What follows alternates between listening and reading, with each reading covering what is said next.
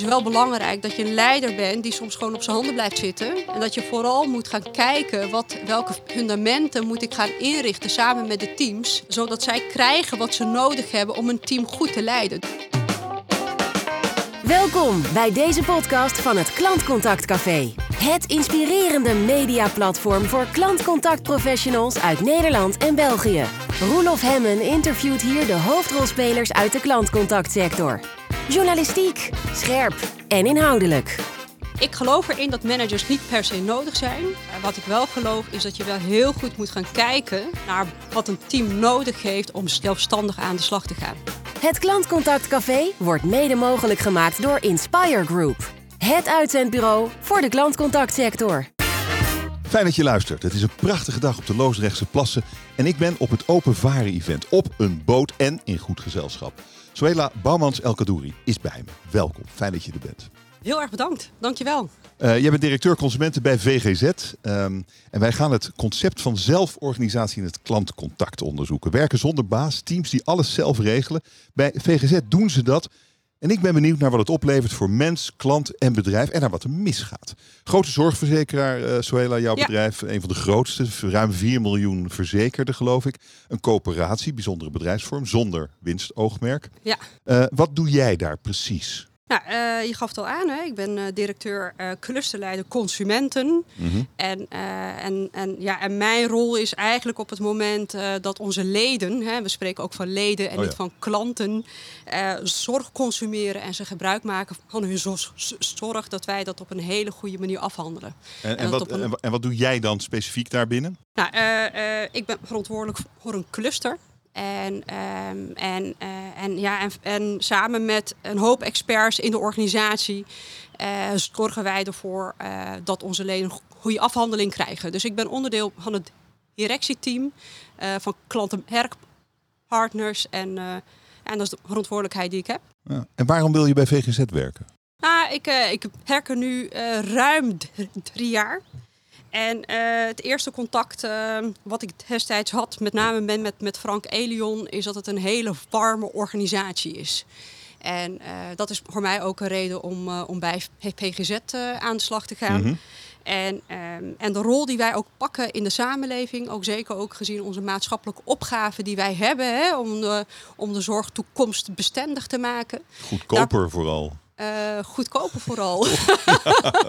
ja, dat ook. Dat ook. Nou, ja. Ehm, en hoe ziet jullie klantcontact eruit? Wat zijn, de, wat zijn de getallen? Waar gaat het meestal over? Nou, het hoe zijn eigenlijk hele grote getallen. Dat denk ik Eh, ook. we hebben 4,2 miljoen leden. Hè. We zijn de twee, eh, de, twee na, hè, de, de, de, de één na grootste ziektekosten verzekeraar in Nederland. We hebben ruim 3 miljoen live contacten. Ehm, en dat zijn Per? Per jaar. Mhm. Ehm, en, ehm, en, eh, en dan heb je het ook nog eens over andere processen, hè, zoals zorgbemiddeling en advies. Op het moment dat jij eh, zorg nodig hebt en, eh, en GGZ kan helpen in de bemiddeling, dan gaan daar ook heel veel contacten over. Dus wij zijn heel veel in gesprek met onze leden om ze, om ze goed te hitsen naar de juiste zorg die ze En nodig in hebben. welke mate is dat klantcontact geautomatiseerd? En wat bedoel je precies met je vraag? Eh, in welke nou, mate? eh, want je zegt live contacten, maar dat kan natuurlijk zijn met een mens, maar het kan ook zijn met een bot. Het kan allerlei vormen hebben, Ja. toch? Ja. En, en wat is ongeveer de verhouding? Nou, we zijn eh, vier jaar geleden begonnen eigenlijk met een transitie eh, waarin we zeggen we, we willen een digitale koploper zijn, hè, in, eh, in de, eh, ook, ook in de digitale kanalen. En wij willen eigenlijk onze, eh, eh, ehm, onze toegankelijkheid vergroten in het contact met onze leden. Dus wij hebben eh, in de pos- positionering die wij hebben, hebben wij ruim 18 miljoen contacten in de app. Dus dat is echt significant. We hebben jaarlijks bijna 800 chatbotgesprekken. Daar zijn wij anderhalf jaar geleden mee begonnen. 800? 800.000 Ja. contacten eh, via de chatbot. En het is, het is echt slechts het begin, hè, waarin we eigenlijk zien dat onze leden echt wel behoefte hebben aan het digitale contact. Als het maar persoonlijk is en, eh, en, eh, en gemakkelijk. Ja. Ehm, Als je maar contact hebt met een mens eigenlijk. Dat, dat is het idee, of niet per se? Eh, nee, Als het nee, maar nee, dat, dat is menselijk het. voelt. Als het maar. Ja. eh, eh, nou, de vraag is of het menselijk moet voelen. Volgens mij moet het persoonlijk voelen. Oké, leg het verschil eens uit. Nou, eh, de, weet je, we hebben gewoon heel veel leden die expliciet de digitale kanalen bezoeken om hun vraag daar te stellen. Of uh, om, om, om, om, om een vraag te stellen over een vergoeding. Of dat ze behoefte hebben aan, aan, aan, aan een gezondheidsvraag. Hè. Die komen niet zomaar in het digitale kanaal. Uh, en dat zijn er heel veel. Dus we zien ook hè, op het moment dat ze er digitaal niet uitkomen, dat ze uitwijken naar, uh, naar echt menselijk contact. Um, en onze doelstelling is ook op het moment dat onze leden in het digitale kanaal komen, dat ze daar ook, uh, ook de juiste bediening krijgen. Aha. En op het moment dat je behoefte hebt aan live contact, dus menselijk contact, dat dat er ook mag zijn en dat het op een excellente manier uh, moet gebeuren. En, en dat, dat, dat, schakelt, uh, dat schakelt zo op tot de ingewikkeldste vragen en dan krijg je meneer of mevrouw aan de telefoon. Of, aan de, of aan de app. Ja, ja en nee. Hè, dus, want het, het schakelt zich niet zo niet stroom haar op. Er zijn leden die, uh, die heel graag gebruik maken van het live contactkanaal, hè, dus telefonie en live chat. Mm -hmm. um, en dan moeten wij er ook gewoon zijn. Dus, uh, hè, dus, dus we zien het niet als een opschakeling dat als je complexe vragen hebt, dat je dan alleen mag bellen. Wij zijn toegankelijk voor al onze leden. En wij zeggen alleen maar op het moment dat je hebt gekozen voor een bepaald kanaal, uh, dan moet dat kanaal gewoon heel goed zijn ingericht om jou in één keer te helpen. En hoe tevreden zijn de leden daarover? Nou, hoe tevreden zijn de leden da da daarover? Ik denk dat met de transitie die we nu hebben gemaakt in de afgelopen drie jaar. En ook zeker ook met de inrichting van de Skirkel-organisatie, vanuit de zien we eigenlijk dat onze klanttevredenheid, lees de, de, de, de, de NPS, hè, de TNPS, mm -hmm. uh, die is eigenlijk gestegen van een 2 naar bijna een 20. Dus dat is echt een significante okay. uh, uh, stijging. We zien ook dat we in de, in de, in de HXI, hè, de SCES, de Customer Effort Score, waarin dat is zeg maar de, de, de, de methode die wij gebruiken om de ledentevredenheid in het digitale mm. kanaal te meten. Die is eigenlijk ook significant gestegen. en we zien ook dat onze collega's, onze experts intern eigenlijk ook heel tevreden zijn met de manier hoe wij onze leden bedienen. Ja, ja. ja wij staan hier dus in, gewoon in een jachthaven. Er liggen overal zeilbootjes. Je voelt de wind door je haar en ja. op je gezicht. Ja. Het is ja, wel een hele mooie plek. een bijzonder plekje. uh, maar wij, wij moeten praten over, over uh, zelfsturende teams. Je noemde dat al even. Uh, zou je overigens zeggen dat de, het succes wat je net beschreef over de tevredenheid van jullie leden, zou je overigens zeggen dat dat te danken is aan zelfsturende teams? Nou, um uh, zelforganisatie is natuurlijk een methode om je organisatie in te richten, om je, om je leden goed te bedienen. Ja, en we komen zo op. Maar, ja. maar heeft, wat is de rol van, van zelforganisatie in die vergroting van, het, van de tevredenheid? Wij geloven heel erg in op het moment dat je uh, je experts de verantwoordelijkheid, lees autonomie, en de vrijheid geeft, met de juiste bevoegdheden geeft. Hè, dus hè, dus mm -hmm. je hebt de rol en daar mm -hmm. zit een bevoegdheid aan vast om een klantvraag in één keer af te handelen. In het, in het traditionele organisatie heb je een eerste lijst, een tweede lijst en een derde lijst. Hè. Dus stel dat jij een vraag hebt, uh, een zorgvraag hebt, dan kan het in de oude situatie, in de, in de manier hoe wij vroeger waren georganiseerd, um, um, dat, uh, dat een expert in de eerste lijn zei van hé, hey, ik moet het eerst even vragen aan een collega in een tweede lijn. Mm. Of uh, dat er werd gezegd van hé, ik, uh, ik maak een terugbelafspraak en nu wordt teruggebeld. Nou, dat is eigenlijk in onze organisatie is dat nauwelijks van toepassing. Dat gebeurt nog wel op een aantal domeinen. Maar in praktijk betekent het dat een expert verantwoordelijk is voor de gehele klantvraag en daar ook het mandaat voor heeft om die in één keer af te handelen. En is dat het geheim van het succes? Uh, dat is onder andere het geheim uh, van het succes. Maar nou, laten, ook, we, da laten we ja. daarop focussen. Want um, ik, ik, ik ben heel geïnteresseerd in zelfsturende teams. Ik merk dat jij zelf organisatie steeds gebruikt. Ja. Uh, wat is het verschil tussen zelfsturend en zelforganiseren? Nou, um, zelforganiserende um, teams, ja, die, die, die, die, die zijn eigenlijk ingericht op een, bepaald, uh, hè, op een bepaald vraagstuk of op een bepaald domein. En daar dragen ze de gehele verantwoordelijkheid Geef voor. Geef eens een voorbeeld. Um, onze organisatie is ingericht aan de hand van klantreizen. En, uh, en dat zit eigenlijk in een, in een cirkel. Dus in een cirkel heb je eigenlijk alle expertises die je nodig hebt om een bepaalde klantreis, lees, Mhm. voor een bepaalde klantgroep of ledengroep, om die in één keer af te handelen. Eh, ehm, en zo'n cirkel is verantwoordelijk om eigenlijk eh, operationeel gezien eh, de operatie te runnen om een klantvraag af te handelen. En, en wat gebeurt er dan? Er zijn allerlei rollen in een cirkel. Dus wij hebben geen managementlagen meer. Hè. We hebben de rol van cirkelleider. Dat is de leider van een cirkel. En, ehm, en, ehm, en in dat team heb je dan verschillende rollen die verantwoordelijk zijn, ieder eh, voor een bepaald aandachtsgebied, om je operatie goed te kunnen runnen.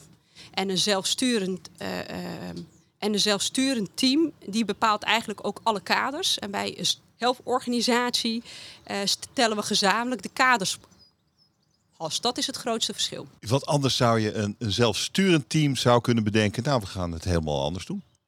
Wij, wi- wij willen heel veel aandacht geven en we gaan lekker lange gesprekken voeren. En dat, terwijl, terwijl dat misschien niet helemaal de bedoeling is. Het kader is eh, natuurlijk gewoon snel afhandelen.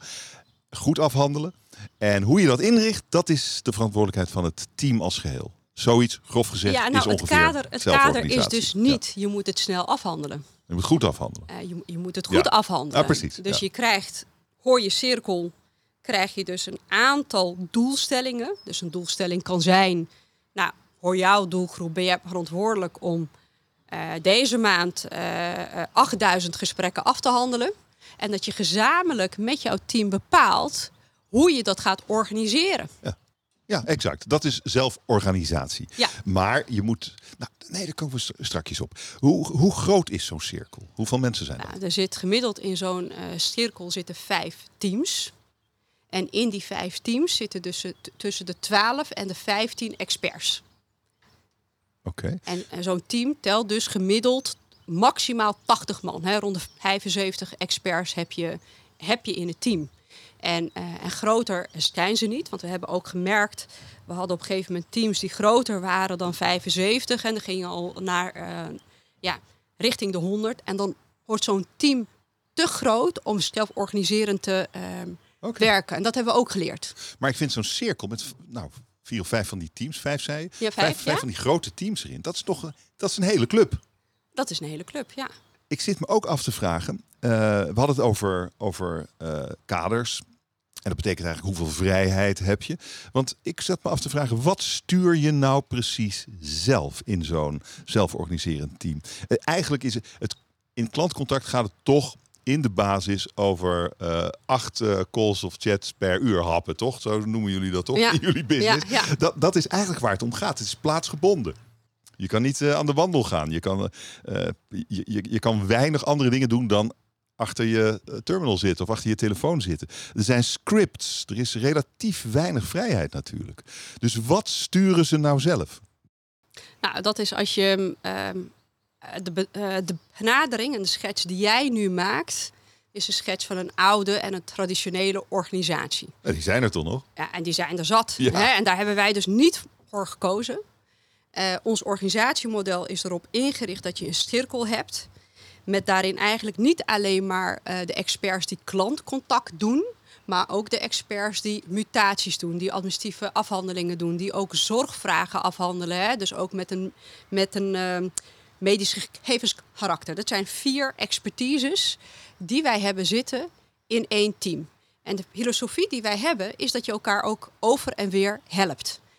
Dus eh, ehm, dus eh, het idee hierachter is dat uiteindelijk iedereen, alle experts ook, de telefoontjes afhandelen. Dus in ons organisatiemodel kan een expert zijn die primair opgesteld staat voor telefonie, ook eh, andere activiteiten doen in een andere expertise. En dat maakt het werk ook heel afwisselend. En je creëert daarmee ook een cohesie in het team. eh, waarin je gezamenlijk verantwoordelijk bent voor een hele doelstelling. En dat is niet alleen maar klantcontact, maar dat gaat ook over alle zaken die erbij komen. Maar waar zit dan je keuzevrijheid als lid van een team?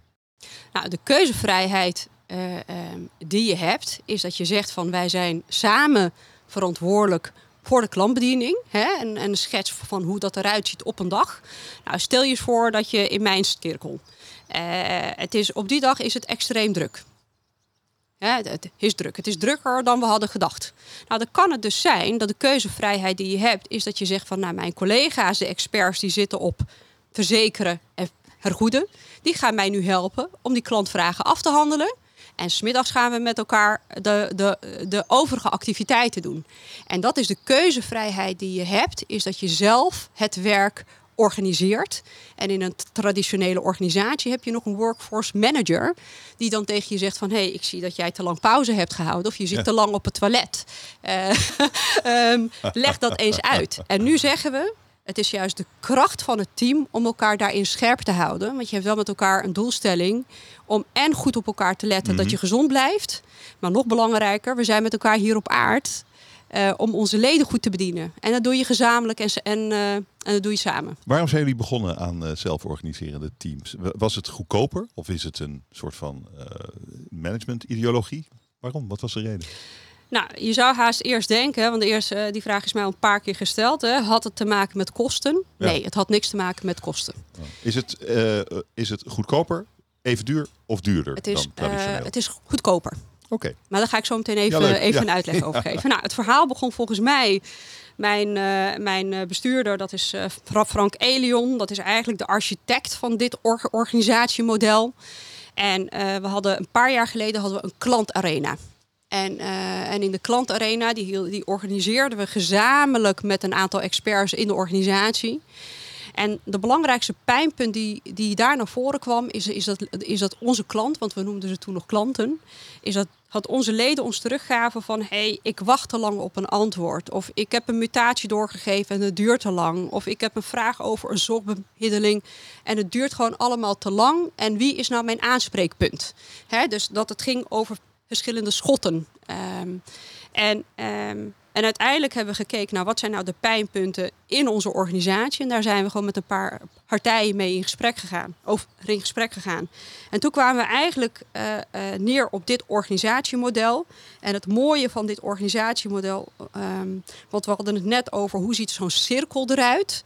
Maar zo'n uh, cluster die gericht is op het bedienen van een klantreis, heeft niet alleen maar een, een, een cirkel in het team. Die heeft ook een marketing team, hè, een communicatieteam, dat noemen we zeg maar de HISSI-teams. Die zijn ook multidisciplinair. Dus als je kijkt naar, naar de klantreis waar ik voor verantwoordelijk ben, samen met de cluster. Dus in mijn cluster heb ik marketingcollega's, communicatiecollega's, hè, dus een, een missieteam. Uh, uh, die zit uh, eigenlijk in één cluster met een cirkel. En samen kijk je waar stellen klanten nou vragen over, verleden vragen over. En hoe kan ik dat nou aan de voorkant afvangen?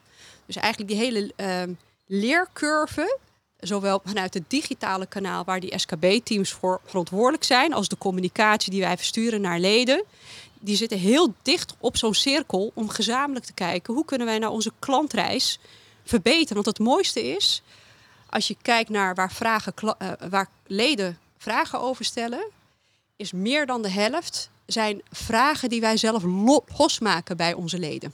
Dat is omdat onze communicatie niet duidelijk is. Ah, ja, uh, of dat is omdat onze digitale kanalen gewoon niet gemakkelijk genoeg zijn ingericht. Kun je een voorbeeld geven daarvan? Dat communicatie niet duidelijk is en dat je daardoor meer vragen over jezelf nou, afroept? Uh, ik denk dat uh, ruim 1,3 miljoen contacten die we hebben, die gaan over vergoedingsvragen. Nou, stel dat jij gebruik wil maken van fysiotherapie. en je hebt daar een vraag over. En je hebt eigenlijk, hè, wat krijg ik vergoed? naar welke behandelaar kan ik nou het handigst gaan bij mij in de buurt? Ja, is vrij standaard. Nou, toch zie je, uh, toch zie je dat, dat, dat leden daar niet altijd heel snel een antwoord op krijgen. En wat, en wat gebeurt er dan? Die gaan dan bellen of contact opnemen of die stellen een vraag.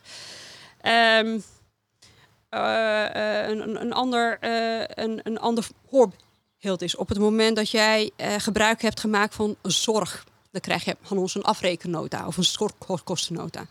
Die is voor onze leden niet altijd heel duidelijk. En die gaan dan bellen of contact opnemen. Dus je maakt je, je maakt je eigen werk zo? Je maakt je eigen werk. Dat is niet slim. Je maakt, en, en dat is gewoon niet slim. Dus onze experts in een cirkel hebben niet alleen maar de opdracht om puur sec die klantvragen af te handelen. Maar die hebben ook de opdracht om met de missieteams die in hetzelfde cluster zitten, om te kijken hoe kunnen we het nou aan de voorkant ook beter doen. Oké, ehm, maar ik, maar, maar ik vroeg eigenlijk wat de, precies de reden was. En ik eh, beschouw jouw uitleg als eh, dat het eigenlijk het is een betere manier van klantcontact. En dat is de reden dat jullie het zo doen en niet op de traditionele manier. Ja. En daarbij is het ook nog goedkoper, zei je. Ja. Hoeveel Ja. goedkoper? Ehm, nou, we hebben, we hebben de rekeningen gemaakt. Hè. Dus wij kijken elk jaar, nou, wat zijn nou de kosten die wij maken in de organisatie. En we hebben ook eigenlijk bekeken, nou, hoe verhoudt dat zich nou tot de start van de transformatie. Hè? Dus de inrichting naar, naar, naar ons or- organisatiemodel. Eh, nou, ik denk dat we al gauw richting de 20% gaan in de klantbediening.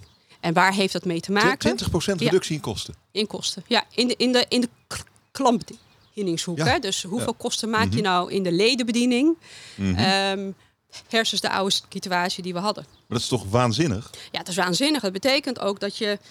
ehm, en onze filosofie hier, hier, hier ook achter is. ehm, en dit is een bijkomstigheid. Hè? Dus wij, onze. Was niet het doel bedoel ik. Het was niet het doel. Nee, het was niet het doel, maar dit is wel een hele mooie uitkomst. Ja.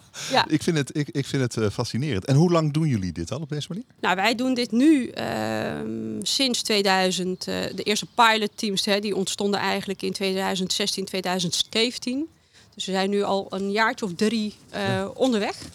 En ehm, het, er is natuurlijk wel, de, de managementlagen zijn eruit. Er zijn geen teamchefs meer of hoe, hoe heten al die functies. Dat is er allemaal niet meer. Ja. Maar wie hakt dan de knoop door bij belangrijke besluiten? Bij moeilijke besluiten? Wie voert de functioneringsgesprekken? Eh, wie spreekt wie aan op eh, gedrag dat misschien niet goed is?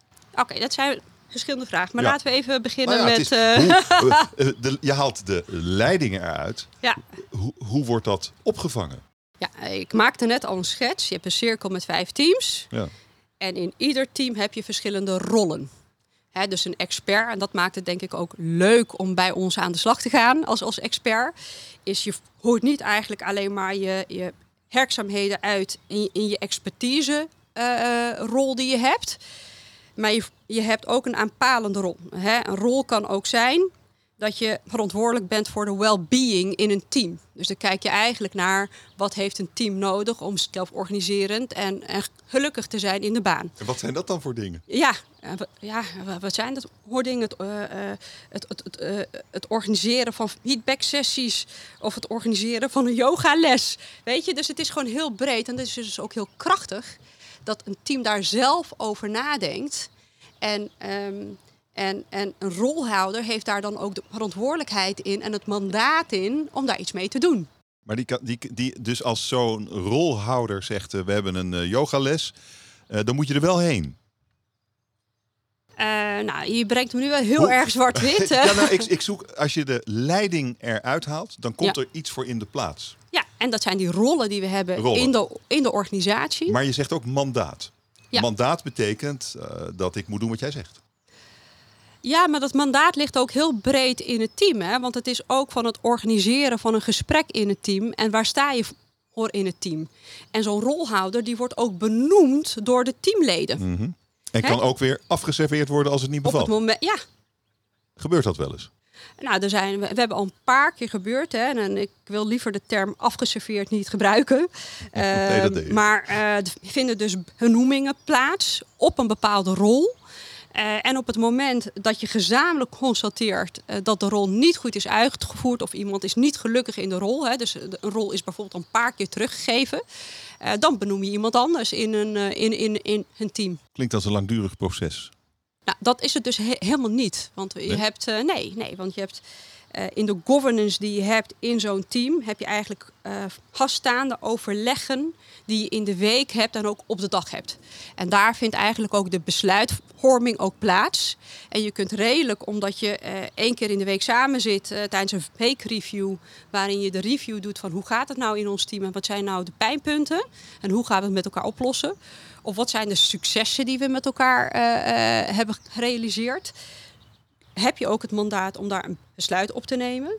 En op dagbasis heb je ook iedere keer een, een, een overleg waarin je dat met elkaar eh, kunt besluiten. Het bootje schommelt, voel je het? Ja, ik voel hem. Wat leuk. Ehm, het, is, het klinkt wel alsof er heel veel gepraat wordt. Veel vergadertijd. heb ik je die indruk gegeven? Ja. Ja. Is het niet waar?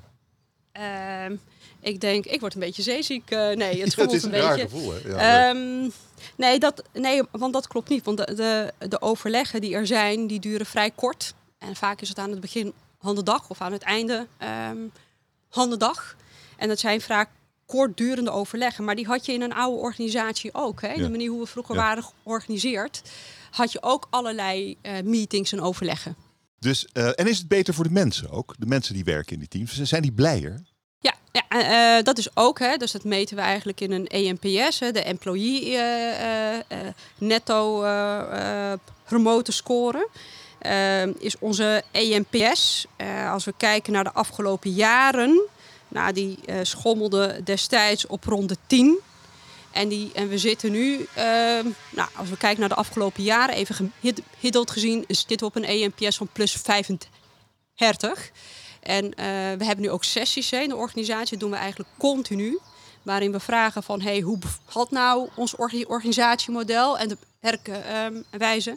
Mensen die zijn overgegaan vanuit de oude organisatie naar, ehm, ehm, naar de nieuwe organisatie. Die zeggen ook, wij willen gewoon niet meer terug. De vrijheden die we nu hebben, eh, die willen we niet kwijt. Dit is geweldig. Er staat hier dus een directeur tegenover me. En die vertelt me nu al bijna 20 minuten lang eh, dat als je managers uit een organisatie haalt, dat eh, je 20% goedkoper gaat werken. Dat je klanten aanzienlijk tevreden zijn, tevredener zijn en dat je mensen aanzienlijk blijer zijn. Wat zegt dat over managers? Nou, weet je, ik, ik geloof niet dat dit organisatiemodel, of de manier hoe wij eh, invulling hebben gegeven aan helporganisatie, en er zijn verschillende smaken, er zijn verschillende manieren om hier invulling aan te geven, dat dat de enige manier is. Dus ik, ik, ik zeg niet dat dit de manier is. Hè. Het moet ook wel passen bij je cultuur en bij je bloedgroep en hoe je ook in een, or- in een organisatie eh, eh, zit. Ehm, dus, dus, dus, dus ik wil ook niet eh, neerzetten als zijnde dat dit de enige manier is. Nee, maar eh, nou goed, je, je, bent, je, je bent natuurlijk eh, diplomatiek. Maar dat je gewoon dat je managers eruit kan halen Ja. uit het proces. Dat zegt mij dat managers niet per se nodig zijn. Ik geloof erin dat managers niet per se nodig zijn. Mhm. Wat ik wel geloof is dat je wel heel goed moet gaan kijken naar wat een team nodig heeft om zelfstandig aan de slag te gaan. En het is ook iets van de lange adem. Hè, want ik vertel nu denk ik een mooi verhaal. Hè. Ik denk dat organisaties misschien denken, hey, dit moeten wij morgen ook gaan Maar ik doen. ga je zo vragen wat er allemaal niet Ja. aan bevalt. Ja, Eh, nou, dat moment is nu gekomen, want het, klinkt als een succesverhaal. ja. Ehm, maar er moeten ook dingen misgaan. Er moeten dingen tegenvallen. Het zijn mensen waar Ja. we mee te maken Ja. hebben. Wat valt er tegen? Wat gaat er mis? Nou, waar we als we nu een, terug, een terugblik op doen, hè, van hey, wat kwam voor ons eigenlijk als een verrassing en, hebben we nog, en hadden we nog niet met elkaar opgeschreven in de theorie. Hè, want het begon natuurlijk als een theoretisch model waar we met elkaar over, eh, wij dachten, nou, daar hebben we goed met elkaar over nagedacht. En een aantal ehm, verrassingen. Ehm, wat we dus eigenlijk zien is eh, de interne beheersing, hè, met name vanuit toezicht en vanuit de toezichthouders, neemt alleen maar toe. Met name rondom privacy en betrouwbaarheid. Ehm, en dat staat soms wel op een gespannen voet met zelforganisatie. Hoezo dan? Nou, eh, ons organisatiemodel eh, en de manier hoe wij invulling hebben gegeven aan zelforganisatie, zegt dus dat een expert een klantvraag, dat is eigenlijk eh, ons geloof en ook het organisatiemodel, is dat je een klantvraag in één keer afhandelt. Maar de toezichthouder zegt, hé, hey, wij vragen een functiescheiding ehm, op een aantal domeinen. Dus wanneer je te maken hebt met medische gegevens, mogen niet alle experts de medische gegevens afhandelen. Dat is lastig. Dat is lastig. Eh, een ander lastig ding is, eh, eh, ehm, is dat je maatregelen moet treffen rondom AVG. En rondom betrouwbaarheid. Hè? Dus dat je heel zorgvuldig om moet gaan met, met de privacygegevens van leden. Nou, dat maakt dus ook dat je eh, dat, dat bijvoorbeeld een expertise zorgvragen. eh, of dat een klantdialoog-expert, hè, die verantwoordelijk is eigenlijk voor het live contact. Hè, dus eigenlijk hoe wij dat zullen dan zeggen, het, het traditionele live contact. ehm, geen medische gegevens mag afhandelen. En dat doet iets met een team. Want het betekent dus dat als het heel druk is in de lijn voor een klantdialoog-expert, ehm, of uh, excuses, dat uh, wanneer een scorkvraag-expert heel druk is, heeft, dat een klantdialoog-expert daar niet op mag inspringen, want dat mandaat heeft hij niet en die bevoegdheid heeft hij niet. Want dat moeten gescheiden functies het zijn. moet gescheiden zijn. Oké. En, uh, en um, het is nu, uiteindelijk hebben we ervoor gekozen om er toch een specifieke cirkel van te maken. Een cirkel met alleen maar experts die, medi- die te maken hebben uh, met medische gegevens. En als je dan kijkt naar het organisatiemodel, uh, dan hadden wij daar denk ik nu achteraf iets beter over moeten nadenken. Om aan al die uh, eisen van toezichthouders te voldoen. Ja, ja, ja dat staat soms echt op een gespannen voet met, uh, met de autonomie. En dat is niet meer, niet meer aan te passen? Um, nou, dat kunnen we wel aanpassen. Alleen wij zeggen wel van wij willen eigenlijk wel voldoen aan de richtlijnen vanuit de toezichthouders. Natuurlijk. Ja. Ja, en dat is dan de keuze die okay, je maakt. Dus dat is regelgeving is, uh, ver, verhoudt zich soms niet goed tegen die zelforganisatie. Wat valt er nog meer tegen? Wat, wat er nog meer tegenvalt, want ik, ik had al verteld, hè, onze organisatie is ingedeeld in clusters. Dat zijn er zeven. Dus je hebt zeven cirkels. Het zijn er nu trouwens meer. Um, en uh, wat we nu soms ervaren en merken is, omdat iedere cluster een eigen purpose heeft en een eigen klantgroep, dat ze best wel statistisch aan de slag gaan. Terwijl je overkoepelend, op het moment dat het ene team een grote onderbezetting heeft, is die niet altijd in staat om al haar leden goed te helpen. Um, dus, um, dus, dus je hebt ook een aantal afhankelijkheden met elkaar te managen. Is eigenlijk, uh, loop je, je kunt het risico lopen Um, dat je uh, de overkoepelende verantwoordelijkheid die je hierin kunt nemen, uh, dat die soms wordt gemist. Dat die een beetje blijft liggen. Om, dan zit het ene team uh, zit, lang koffie te drinken omdat het niet zo druk is. Het andere team werkt zich over de kop. Ja, exact. En, ja, dat zijn dingen waar een manager dan op zou kunnen ingrijpen. En hoe los je dat dan op?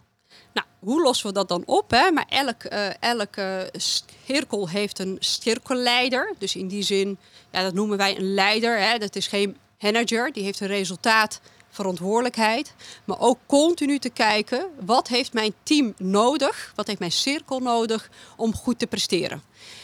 Um, wat we hebben ingericht is dat alle cirkelleiders van alle clusters, hè, die hebben een gezamenlijk overleg één keer in de week.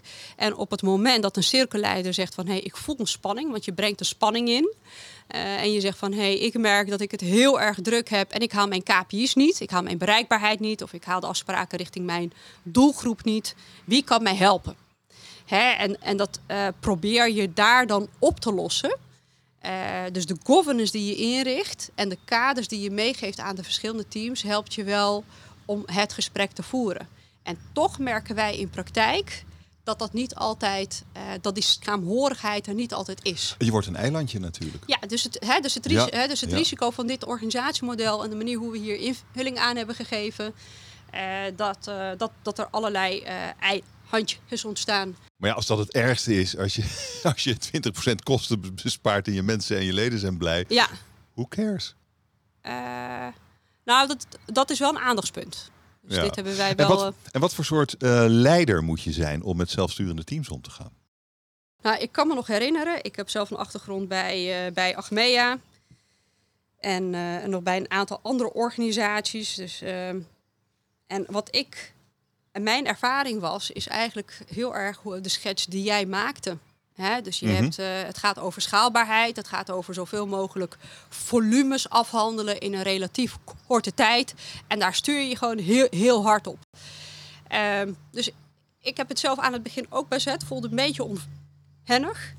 Um, en type leiderschap wat hierin heel belangrijk is, is het type leiderschap van faciliterend leiderschap. Want het klinkt algemeen, maar het is wel belangrijk dat je een leider bent die soms gewoon op zijn handen blijft zitten en met de handen op de rug uh, blijft zitten. En dat je vooral moet gaan kijken wat, welke fundamenten moet ik gaan inrichten samen met de teams. Um, um, zodat zij krijgen wat ze nodig hebben om een team goed te leiden. Dus je moet een echte leider zijn. Vooral geen manager, maar een inspirerende leider. Om, om een team goed te kunnen activeren. Klinkt veel interessanter, eerlijk gezegd. Ja, Vind jij dat ook? Ja, ja het is ook hartstikke leuk. En maar, maar het vraagt misschien ook wel wat van, van, je, van je medewerker. Want ehm, er- dit is al vaker geprobeerd. Het is ook al vaker mislukt. Ja. Ook in het klantcontact. Ja. En dat had er volgens mij mee te maken dat eh, sommige mensen zich gewoon niet aan afspraken houden. Eh, gewoon niet gemotiveerd genoeg zijn. Eh, dan zit het eigenlijk gewoon in iemands persoonlijkheid. Ja. Herken je dat? Ja, dat herken ik. En hè, hoe los je dat dan op? Ja, ja.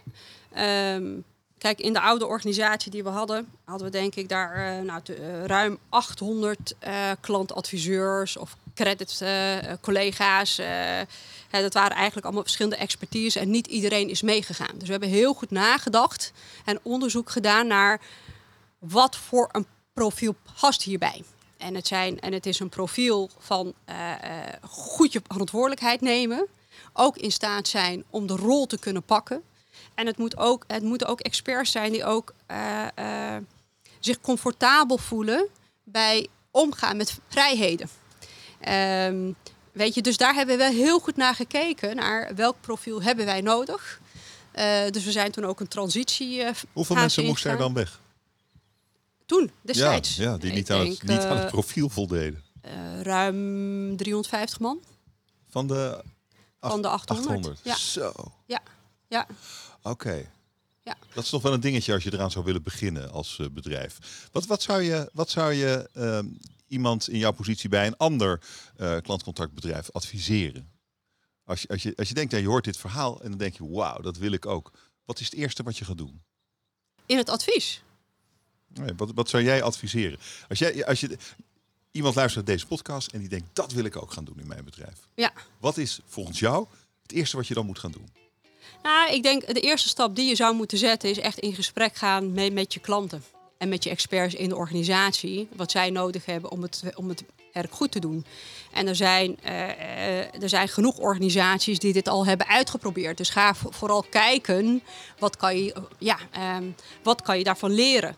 En wat vooral heel belangrijk is, en ik denk dat dat voor ons echt een succesfactor factor eh, is, is dat het hoger management tot aan de raad van bestuur, die hadden hier een geloof in.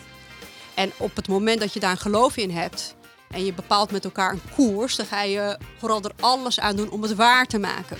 Dus je moet daar ook een commitment op krijgen in de organisatie eh, om deze stap te zetten. Dankjewel voor dit gesprek.